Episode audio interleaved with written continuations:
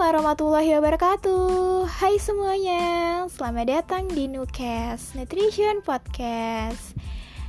Sebelumnya, aku mau minta maaf ke teman-teman semua Karena beberapa bulan ini aku nggak aktif nge-podcast lagi. Dan sekarang aku mau kembali lagi nge-podcast dan memberikan informasi tentang gizi dan kesehatan nih buat teman-teman semua Episode kali ini kita akan ngebahas permasalahan yang menjadi permasalahan sejuta umat nih kayaknya tentang peningkatan berat badan. Nah, banyak sekali orang yang mengalami kesulitan gimana caranya meningkatkan berat badan. Kali ini aku bakal kasih tahu rahasianya.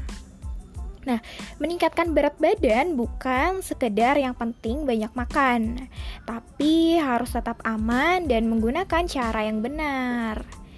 Dan rahasia terpentingnya adalah surplus kalori. Nah, sebenarnya apa sih surplus kalori ini? Nah, surplus kalori ini adalah ketika jumlah kalori yang masuk dari makanan yang kita makan harus lebih besar atau lebih banyak dibandingkan dengan kalori yang kita bakar dalam satu hari. Nah, itu yang dinamakan surplus kalori. Itu adalah rahasia terpentingnya ya, diingat-ingat nih teman-teman. Nah, selain itu nih, misalkan berkaitan dengan surplus kalori ini, tambahkan 300 sampai dengan 500 kalori dari kebutuhan gizi teman-teman dalam sehari. Jadi teman-teman harus tahu dulu kebutuhan gizi teman-teman dalam sehari itu berapa? Nah, bisa ditambahkan 300 sampai dengan 500 kalori. Nah, rahasia berikutnya adalah tambahkan frekuensi makan teman-teman. Misalnya, dalam sehari teman-teman itu frekuensi makannya tiga kali sehari. Nah, kalau teman-teman ingin meningkatkan berat badan, otomatis frekuensi makannya ditambah dari yang awalnya tiga kali sehari bisa lebih. Seperti itu ya. Nah, berikutnya yaitu konsumsi makanan yang mengenyangkan, yaitu makanan energi dense food. Nah, makanan energi dense food ini yaitu makanan tinggi kalori. Contohnya seperti kacang-kacangan, kemudian ada daging, susu, full fat yogurt, alpukat gitu, terus santan, keju. Nah, konsumsi makanan yang mengandung energi dense food itu tadi. Nah, setelah itu perbanyak konsumsi protein. Nah, teman-teman pasti tahu kenapa sih fungsinya kita harus mengkonsumsi banyak protein.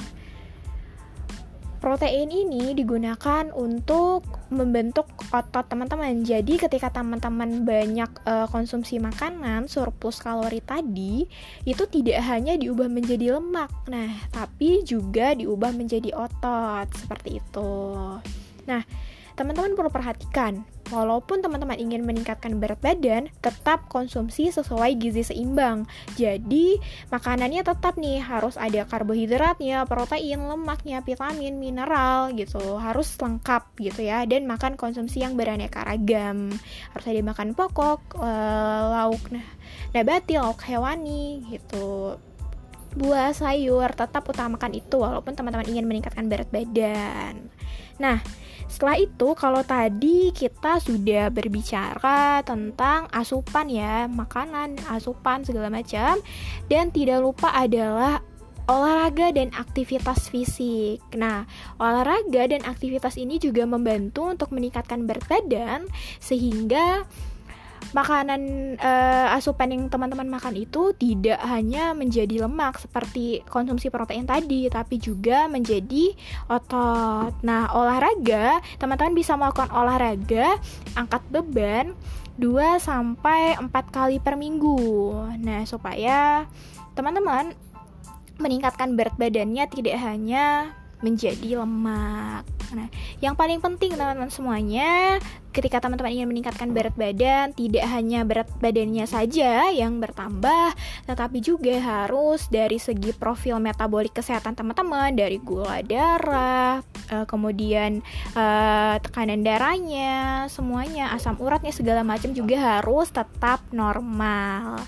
Nah, itu tadi penjelasan dari aku tentang rahasia untuk meningkatkan berat badan. Sampai bertemu di episode selanjutnya. Wassalamualaikum warahmatullahi wabarakatuh.